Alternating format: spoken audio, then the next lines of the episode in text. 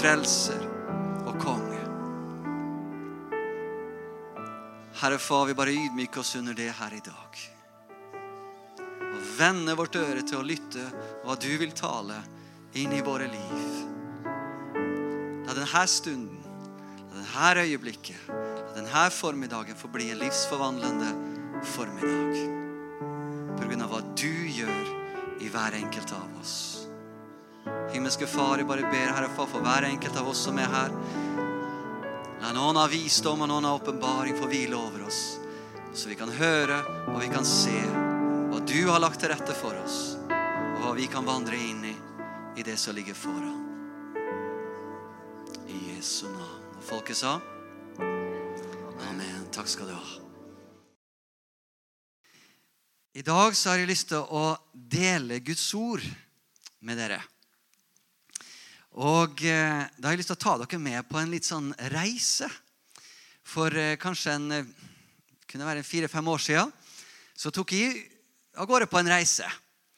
Og da mener jeg da, I dette tilfellet så mener jeg da en studiereise. Eh, er av dem som eh, kanskje har litt over gjennomsnitt eh, nysgjerrig på, på ting.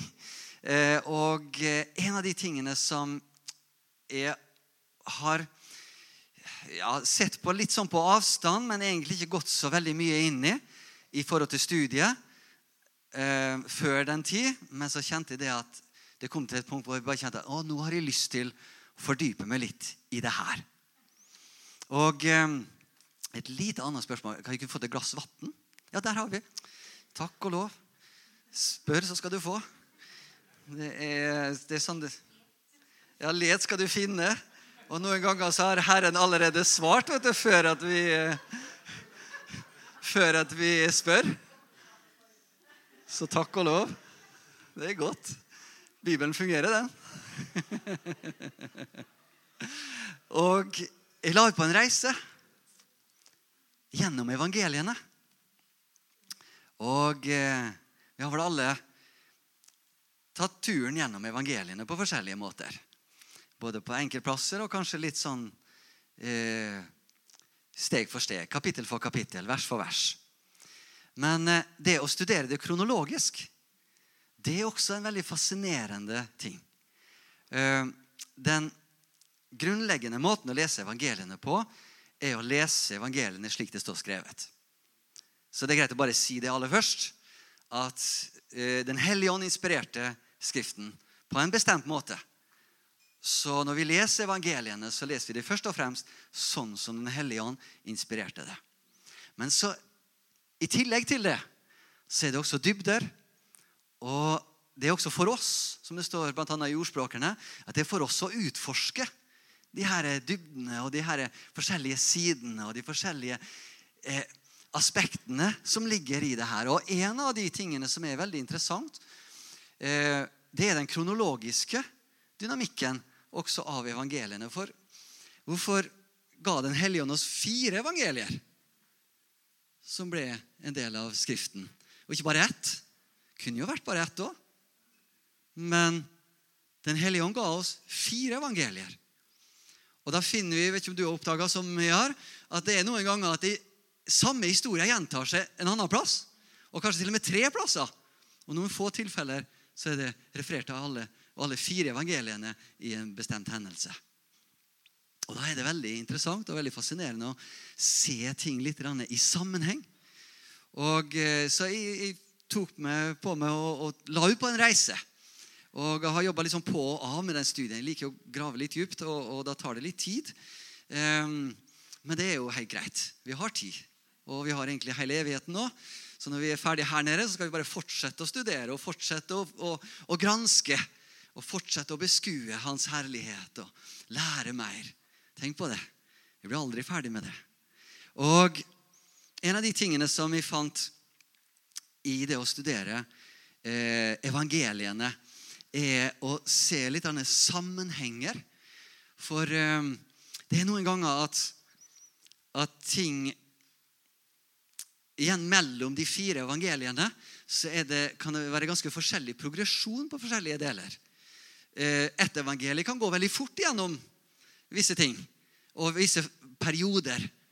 Eh, og Da tar vi utgangspunkt i Jesu liv og tjeneste, eller Jesu tjeneste kanskje, først og fremst, på tre og et halvt år. Det er ganske stor konsensus og enighet om det at det sannsynligvis var tre og et halvt år hvor Jesus var i den jordiske tjeneste. Fra han ble døpt eh, av Johannes døperen, til at han døde på korset, sto opp igjen og, eh, og ble løftet opp. Så tre og et halvt år. Så vi tar utgangspunkt i tre og et halvt år. Og i tre og et halvt år så ser vi da det ene historien, ene hendelsen, ene situasjonen etter den andre. Og, eh, og da vil jeg bare stille et spørsmål. litt sånn, Nå har vi litt det ene med den reisen gjennom evangeliene. Og så har vi et annet tema som vi også har lyst til å løfte frem her i dag. Og det er det med fundament. Eh, sist jeg og Elin var på her, så eh, hadde vi litt om fundament. Og det her er huset bygd på sand og huset bygd på fjell. Eh, og hadde litt fokus rundt det. Eh, nå har jeg lyst til å ta et steg videre i forhold til det med fundament og bruke dette begrepet trosfundament. Og Vi kan gå et steg til også og si kristent trosfundament. For å definere enda tydeligere hva, hva vi snakker om. Et kristent trosfundament. Og jeg tror det at skal vi finne ut av og nå er det jo steget Fra menighetstradisjon til menighetstradisjon, kanskje til og med fra menighet til menighet, når du spør et spørsmål, så kan du få mange forskjellige svar i forhold til det større landskapet. Så det, Hva er et kristent trosfundament? Så kan du få mange svar på det. Og Det kan også være fargelagt litt av vår egen tradisjon, vår egen historie, vår egen reise, både personlig og i den sammenhengen som vi er en del av. For hver menighetssammenheng har jo sine vektpunkt, sine dyrebare skatter som en har oppdaga. Og det er en av de tingene som jeg syns er spennende i forhold til det større landskapet, menighetslandskapet, er det at jeg innser at vi har ikke oppdaga alt. Og vi forstår ikke alt. Vi faktisk forstår mer om Gud og Jesus og det som har med Guds rike å gjøre, sammen. For sånn har Gud skapt det. Han har, gjort, han har ikke lagt ned i noen av enkelte av oss hele bildet. Men han har lagt noe ned i hver enkelt av oss. Som et puslespill. Det kan være ett bilde vi kan bruke.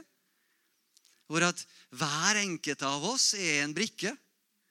Og desto mer vi kommer sammen, står sammen, fungerer sammen, finner våre plass, plasser sammen, desto klarere bilde får vi av hva da?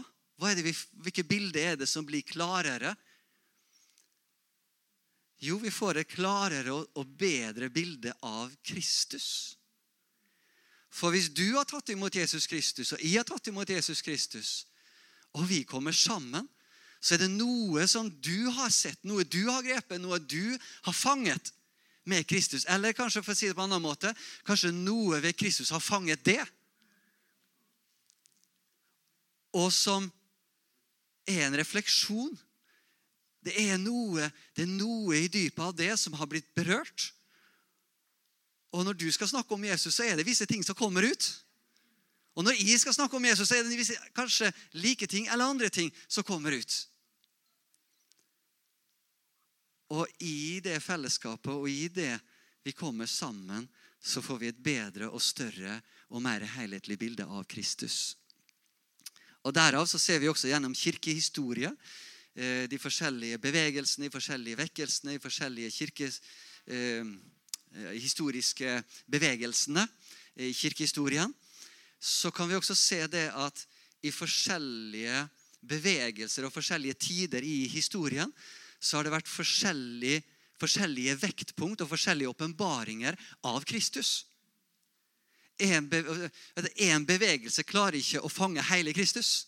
Hele bildet i sin helhet. Derfor så ser vi det at forskjellige bevegelser, forskjellige tider, har forskjellig vektpunkt. Og derav så ser du også at forskjellige kirkesamfunn, forskjellige sammenhenger, har også forskjellige skatter som de har satt ekstra fokus på, eh, lagt ekstra tyngde på, og som er ekstra dyrebart for den sammenheng. Og Derav så tenker jeg at eh, jeg synes det er veldig interessant å være sammen med andre pastorer, andre sammenhenger, andre menigheter. Eh, og når jeg merker det at her er det åndelig liv. Her er det, Men det er litt annerledes. Annet uttrykk, annen måte å gjøre ting på, annen måte å ha gudstjenesten på, kanskje. Men jeg merker at det er, det er Guds liv der. Sånn som for eksempel, ett eksempel. Og eh, vi, vi, har jo min bakgrunn fra misjons, uh, Misjonsforbundet. Jeg vokste opp i Misjonsforbundet, Molde misjonsmenighet.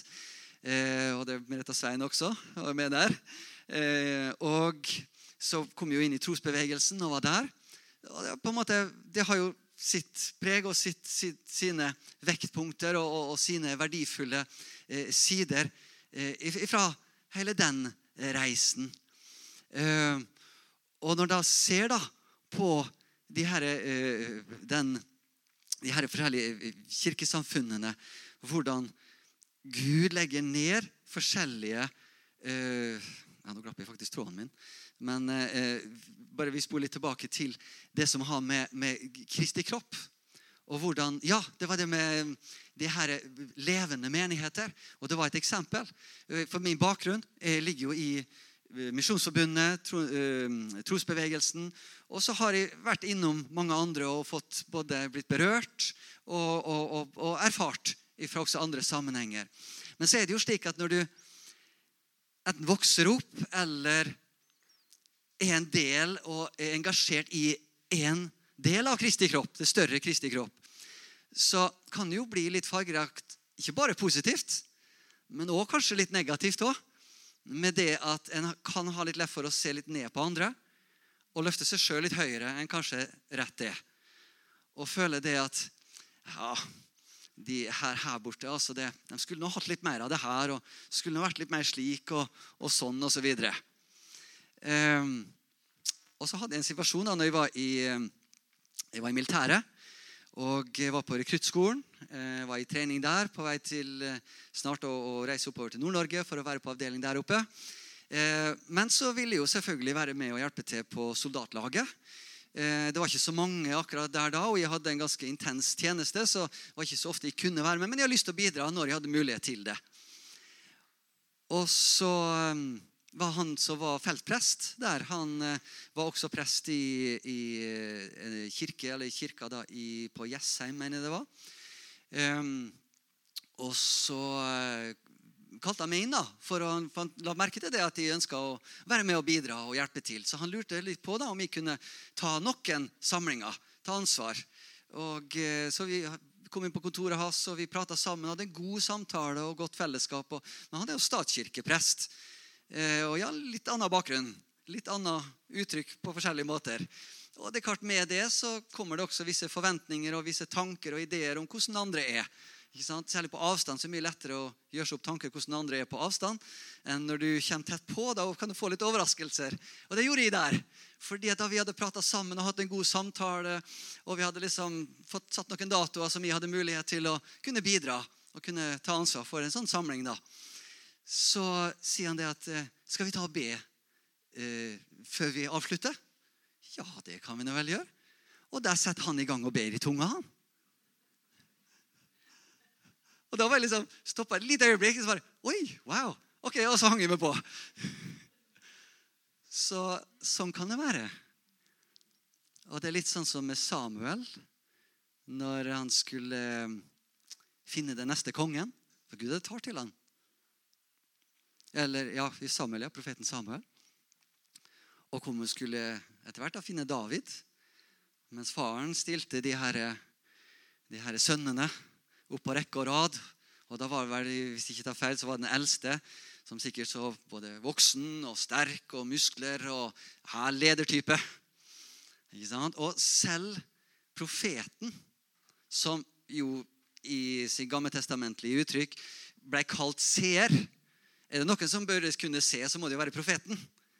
Selv han ble besnæra og, og ble litt tatt av det her at her, For han sa dette her, at det her må vel være den neste. Den her mannen, den her gutten, det her må være bra lederpotensial for neste konge. Og Da sier Gud det at mennesket ser til det ytre, men jeg ser på det indre. Så Noen ganger så kan det være det, det vi ser i det ytre, er ikke helt det som faktisk er det det er. Og det er mer som ligger under. Og det er jo også spennende når vi kan eh, legge ut på en reise sammen. Og i evangeliene For nå skal jeg flette litt sammen det her med trosfundament, kristen trosfundament og det som har med, med denne reisen gjennom evangeliene. Og eh, jeg får selvfølgelig bare mulighet nå her til å ta et lite glimt av det her. For det, det, er jo sånn, Desto mer du gransker og desto mer du graver i Skriftene, desto dypere blir det bare. Det er nesten så desto, desto mer du forstår, desto mer innser du at du ikke forstår. Eh, for det, du bare ser at det er bare mer, og det er bare mer. Og Sånn er det også med evangeliene. Og eh, I forhold til trosfundament så bare følg med akkurat i den tanken her. Hadde jeg hatt en presentasjon nå, så hadde jeg ville skrevet, men jeg, det ble ikke tid til det, for det var, bare litt intens eh, helg på mange ting. Så, men bare se det her. Hvis du tar ordet kristent trosfundament, og så vil jeg sette et 'er lik', altså det her ordet er det samme som, og så vil jeg skrive bakom disippelskap og disippelgjøring. Hva er kristent trosfundament? Jeg vil si, ut, særlig ut ifra perspektivet av evangeliene, og hva evangeliene eh, taler om denne tematikken så vil jeg si at kristent trosfundament er lik disippelskap og disippelgjøring. Det her begrepene summerer opp det, det, er jo så mange temaer en kan gå inn på i evangeliet. Det er så mange tanker, det er så mange ting. Men skal en prøve å summere det opp i bare noen få ord, som da blir veldig kompakte og veldig rike, og som da kan gå tilbake igjen og fordype seg ned i de ordene, så for meg så kommer jeg tilbake til de her to ordene. Og hvordan skal vi da bygge et kristen trosfundament? Hvordan kommer vi ikke unna disippelskap og disippelgjøring? Fordi Det å bygge et kristen trosfundament er ikke en teoretisk Det er ikke slik at du tar en utdannelse, og så får du et diplom eller en sånn godkjennelse at nå er du godkjent eh, sykepleier, eller nå, er du på en måte, nå har du fullført studiene, og så er du klar. Da har du liksom, du har fullført De fleste utdannelsene har jo både teori og praksis, men grunnleggende så sitter du igjen med en teoretisk grunnleggende kunnskap som gjør det at du da har en ferdighet, et utgangspunkt til å kunne gjøre den jobben som du er satt til å da kunne gjøre. Men kristen trosfundament er veldig mye mer praktisk bygd enn den er teoretisk bygd. Um, og det skaper selvfølgelig masse utfordringer for oss. Som Livellinor var inne på litt tidligere her i dag.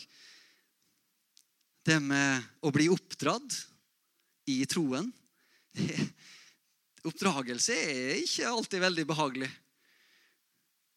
Men det kan være veldig nødvendig for alle sammen av oss. For meg også. Så disippelskap, hva betyr det? Disippelskap vil si at jeg velger å følge Kristus så godt de vet å følge Han. Og så vokser de i det og utvikler meg i det og tar stadig nye steg på den reisen. Og disippelgjøring er da en del av hva det vil si å være en disippel. er også det å gjøre en annen disippel. Og Da har jeg bare lyst til at vi skal lese i Matteus først her. I Matteus Eh, Matteus kapittel 4. Og her er noen, eh, noen kraftfulle ord som, eh, som Jesus sier. Her er det Jesus som kommer langs Genesaretsjøen. Vi har eh, noen fiskere som eh, har sikkert avslutta arbeidsdagen og holder på å runde av. Og så kan vi lese fra vers 18, kapittel 4, Matteus 4, 18. Der står det da Jesus vandret langs Galileasjøen, så han to brødre, Simon, som ble kalt Peter, og hans bror Andreas. De holdt på å kaste en fiskenot i sjøen. De var nemlig fiskere. Og han sier til dem, 'Følg meg.' Det er det første Jesus sier. Følg meg. Et kall til disippelskap. Det første kallet som er over våre liv, er ikke hva vi skal gjøre i forhold til det, om det tjeneste eller om det er på andre ting. Det første, er, første kallet vi alle har, er til å søke ham. Til å følge ham. Til å dra oss nær ham. Og det kommer alltid til å være det første kallet. Når vi står opp om morgenen I morgen er det mandag morgen, ny uke, nye utfordringer. Noen av oss kanskje allerede begynner å gruble litt på neste uke. Vi trenger nåde, vi trenger visdom, vi trenger innsikt på forskjellige ting. Men likevel, det første kallet vi har i morgen tidlig når vi står opp, er å søke ham. Dra oss nær ham og følge ham. Uavhengig av hva i og du kommer til å lykkes med den uka som ligger foran, eller hva vi ikke kommer til å lykkes med, så håper jeg at det er én ting vi har noenlunde lyktes med, og det er å søke Han og dra oss enda mer nær Han. For klarer vi det, da har vi iallfall nådd det aller viktigste i neste uke. For hele det livet her sentrerer om én person, Jesus Kristus. Og Det er også du finner i evangeliene. Evangeliene er sentrumet for hele Bibelen. Og hva er det som er sentrumet i evangeliene? Jo, det er én person, Jesus Kristus. Alt kommer tilbake til denne ene, sanne frelseren. Ene, sanne person. Noen som ikke enten tror i det hele tatt, eller som har en annen tro, spør hva er det som er det mest sentrale i din tro, kristne tro. Jo, Vi kan nevne masse læresetninger, vi kan masse forskjellige, mange ting som kan være viktige i den kristne tro. Men mest grunnleggende så kommer det tilbake til én person. Tar du bort den personen ut av den kristne tro, så har vi ingenting. Alt faller sammen som et korthus. Ingen frelse, ingen håp, ingen fremtid.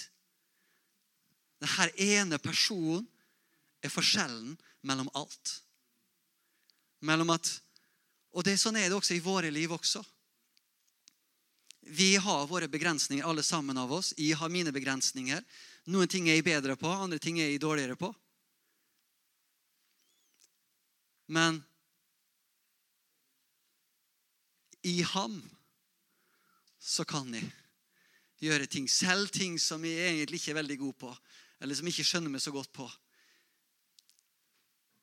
Jeg ble faktisk, akkurat når jeg sa det, her, så ble jeg minnet på denne historien som vi hadde litt sist her, med huset som er bygd på sand og på fjell. Legg merke til det at i teksten der så står det det at hvis du Jeg vil bare lese det. Eh, det er ikke langt unna. Det er bare noen kapittel frem her. Sju. Og i vers eh, I vers 24. Derfor vær den som hører disse mine ord, og gjør etter dem. Han vil jeg sammenligne med en klok mann som bygde huset sitt på fjell. Og Regnet øste ned, vannflommene kom, vinden blåste og slo mot dette huset. Men det falt ikke, for det var grunnlagt på fjell. Han vil jeg sammenligne med. Legg merke til det at altså Hvis du går til begynnelsen av verset Vær den som hører disse mine ord og gjør etter dem. Han, vil jeg, så han er lik en som bygde huset på fjell og ble stående. Noen ganger så vet vi ikke helt Det er akkurat samme som i sånn som Robert her. Han er jo håndverker og har greie på en del ting som ikke jeg har så god greie på. Eh, og nå har vi stått i både oppussing og vært litt sånn crazy i år, egentlig. Eh, og vært litt sånn skiftinger på mange ting. og har, ja, Det har vært litt sånn bare hold fast i det året her.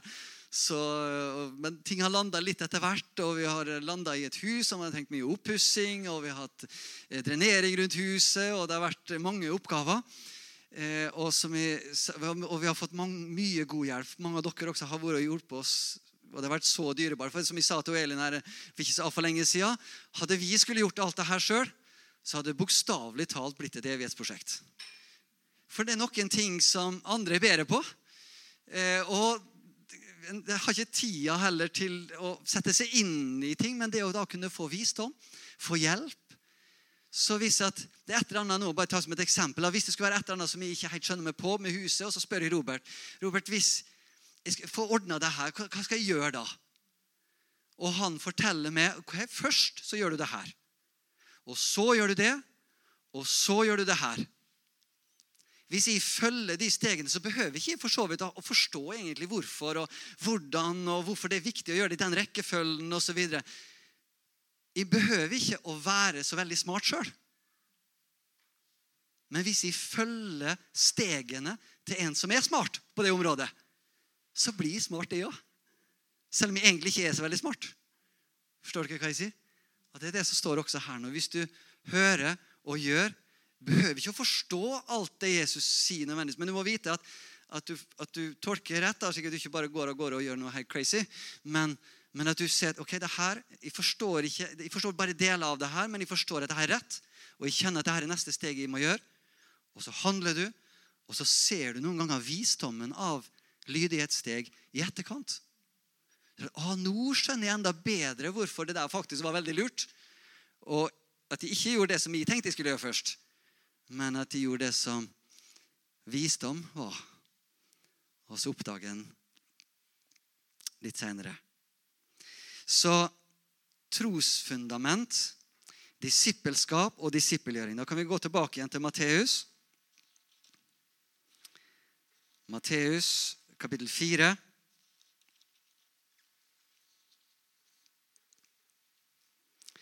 Matteus kapittel 4 vers 19, der står det 'Følg meg' og jeg skal gjøre dere til menneskefiskere.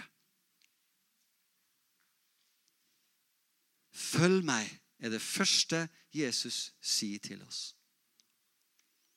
Og Det neste han sier, så, når du følger med, så vil det skje en prosess der hvor du også vil være med og hjelpe noen andre til å være en disippel.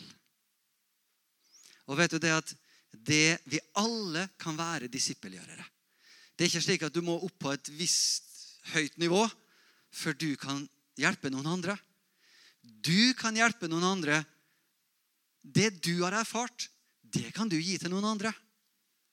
Og så Alle sammen av oss har enda massevis å lære, meg sjøl inkludert. Vi har enda massevis å lære både om Gud og mange ting som har med Guds rike å gjøre. Men det du har erfart, det du har grepet, det du har lært, det du har vandra gjennom, det kan du gi til noen andre. Så så langt som du har kommet, kan du hjelpe noen andre til å ta et steg. Og jeg tror Hvis vi i sammen kan skape en disippelkultur, hvor vi f.eks. ikke bare venter på at en leder eller forkynner eller sånn, Gi meg det jeg trenger, så jeg får komme meg videre men at vi skaper en disippelkultur hvor vi alle er etterfølgere. Vi sitter ikke passivt og venter på at noen andre skal servere oss. For menighetsliv er ikke et, et restaurantbesøk. Menighetsliv er å være med på kjøkkenet. Noen ganger så får du sitte ute i, i, i restauranten. Andre ganger så er du på kjøkkenet og vasker kopper og hjelper til. og Skifter lyspærer og hva annet eventuelt som trengs. Guds rikes arbeid er alle de her tingene. Og disippelskap er også alle de her tingene. Så hvis vi sammen kan skape en disippelkultur Og den disippelkulturen den starter først med at jeg velger å følge Kristus for min del. Ikke sidemannen min, ikke kona, ikke de andre, men meg sjøl. Starter først med meg. Herre, hvordan er mitt forhold med det? Her er det noe i mitt liv som du ønsker å korrigere. Du ønsker å justere på. Kanskje det er noe du ønsker å oppmuntre. Kanskje det er noe jeg har forsømt, som du ønsker å løfte opp igjen og gi nytt liv. Vi er alle på litt forskjellige plasser i vår reise, men, men en ting som er likt med alle sammen av oss her i dag, i forhold til disippelskap, er at vi alle sammen har et neste steg. Og mest sannsynlig så vet du allerede hva det neste steget er. Kanskje du ikke klarer å komme på det, eller kanskje fanger det akkurat nå. Men som regel så vet vi i vårt indre, hvis vi stopper opp og tar tid til å kjenne etter, og la Den hellige ånd få, så, få tale og få, få, betjene, så som regel så, så kan vi si ah, ja, men da har jeg faktisk kjent på en god stund nå.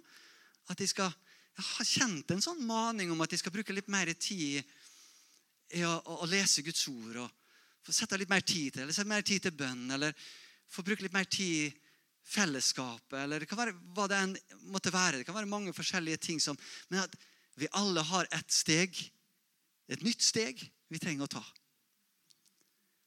For en ting som jeg har sett i jeg har vært engasjert i menighetsarbeid og menighetsliv i, i mange år nå, er det at stagnasjon kan ofte være en sånn faktor som skaper mye frustrasjon og friksjon og, og problemer for oss sjøl og andre. Og det er noe med vi, Det kan være forskjellige grunner til at ting stopper opp for oss. Og vi, Til tider så går vi gjennom litt vanskelige ting, og vi, vi, vi kjenner det at ting er, er trasig. Eh, men for hver, når det er gode tider eller når det er vanskelige tider, så er det alltid et nytt steg å ta fremover. Og Det kan godt være det at stegene kanskje blir litt annerledes enn sånn vi hadde kanskje tenkt tidligere. At Herren leder oss på litt forskjellige måter, men det er alltid et nytt steg å ta. Og da er vi tilbake igjen til disippelskap. En av, I min erfaring, og som har vært en veldig viktig faktor for meg, å holde brannen levende. Å holde denne nærheten til Kristus levende. For jeg har hatt mine sjanser og mine muligheter til å la dem få stilne. Og heller vende fokusen til andre ting. Av forskjellige grunner.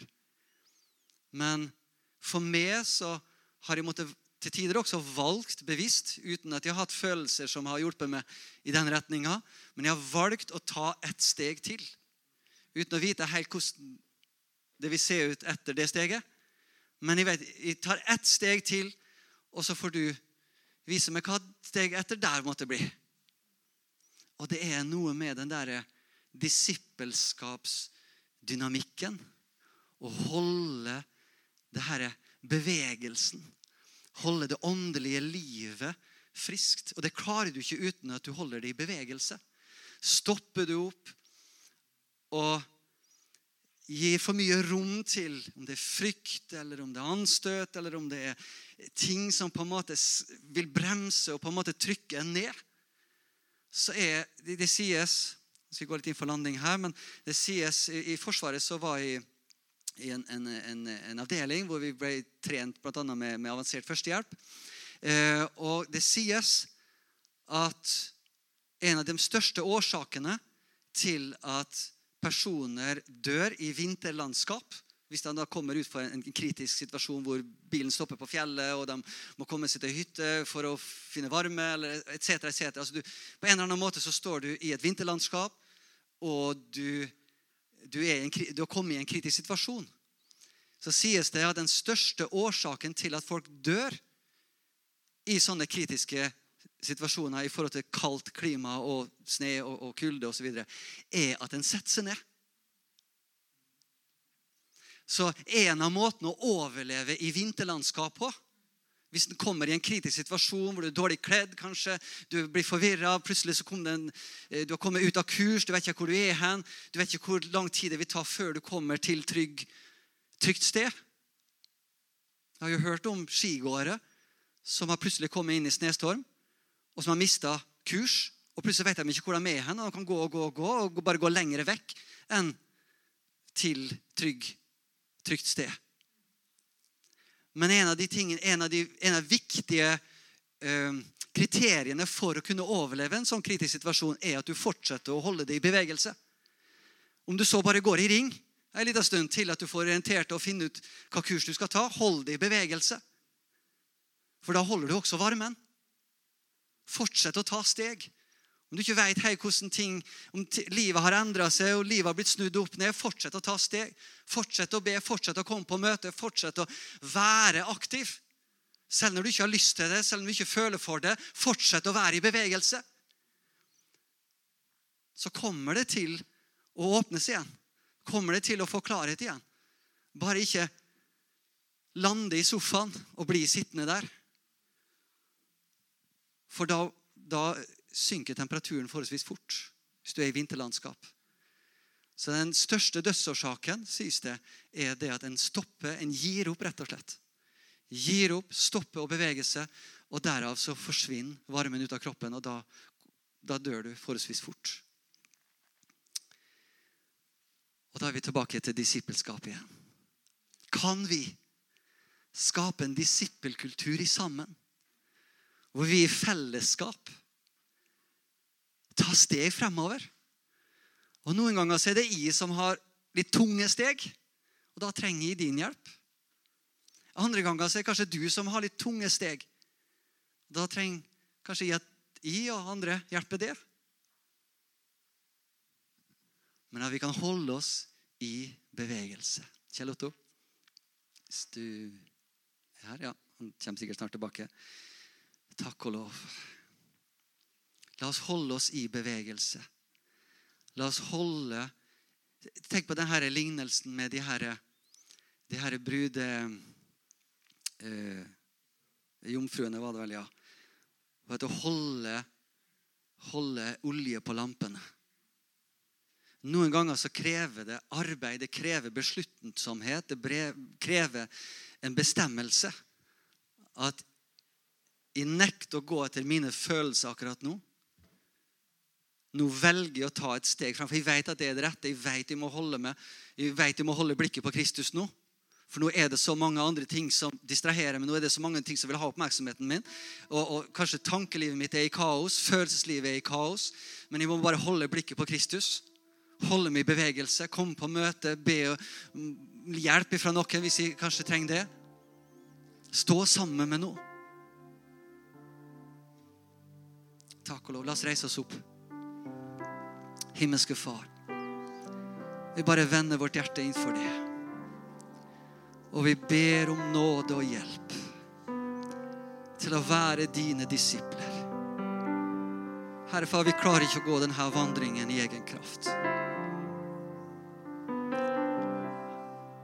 Å, himmelske Far, vi er så svake i egen kraft. Selv når vi tror vi er sterke, så er vi svake. Og noen ganger oppdager vi det mer enn andre. Men i det så er vi sterke. I det har vi kraft. Så Herre Far, her og nå så vender vi vårt hjerte til det.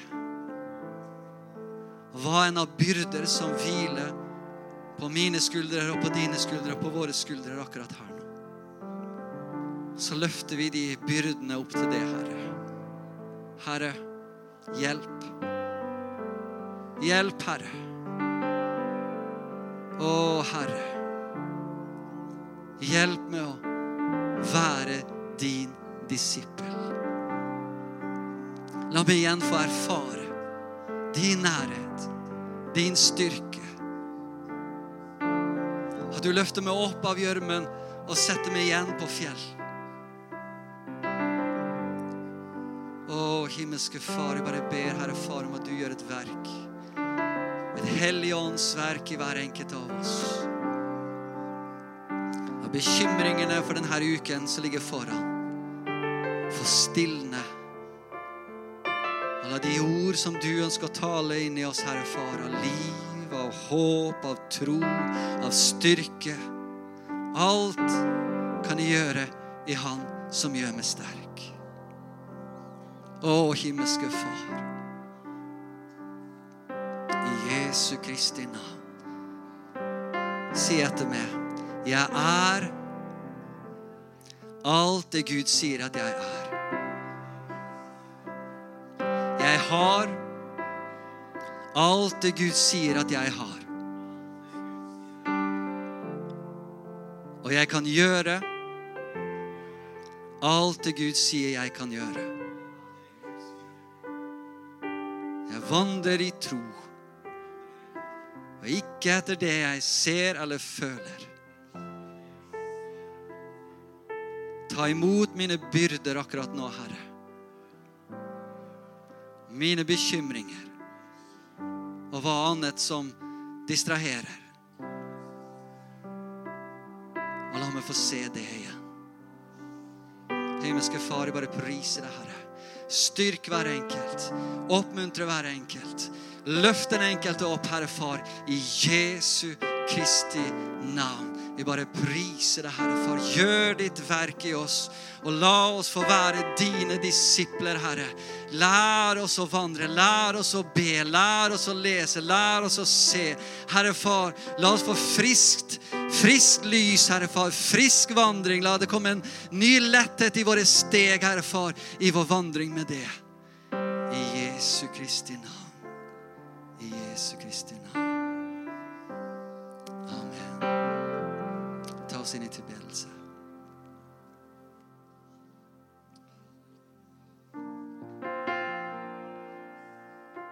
Vi vil gi deg ære og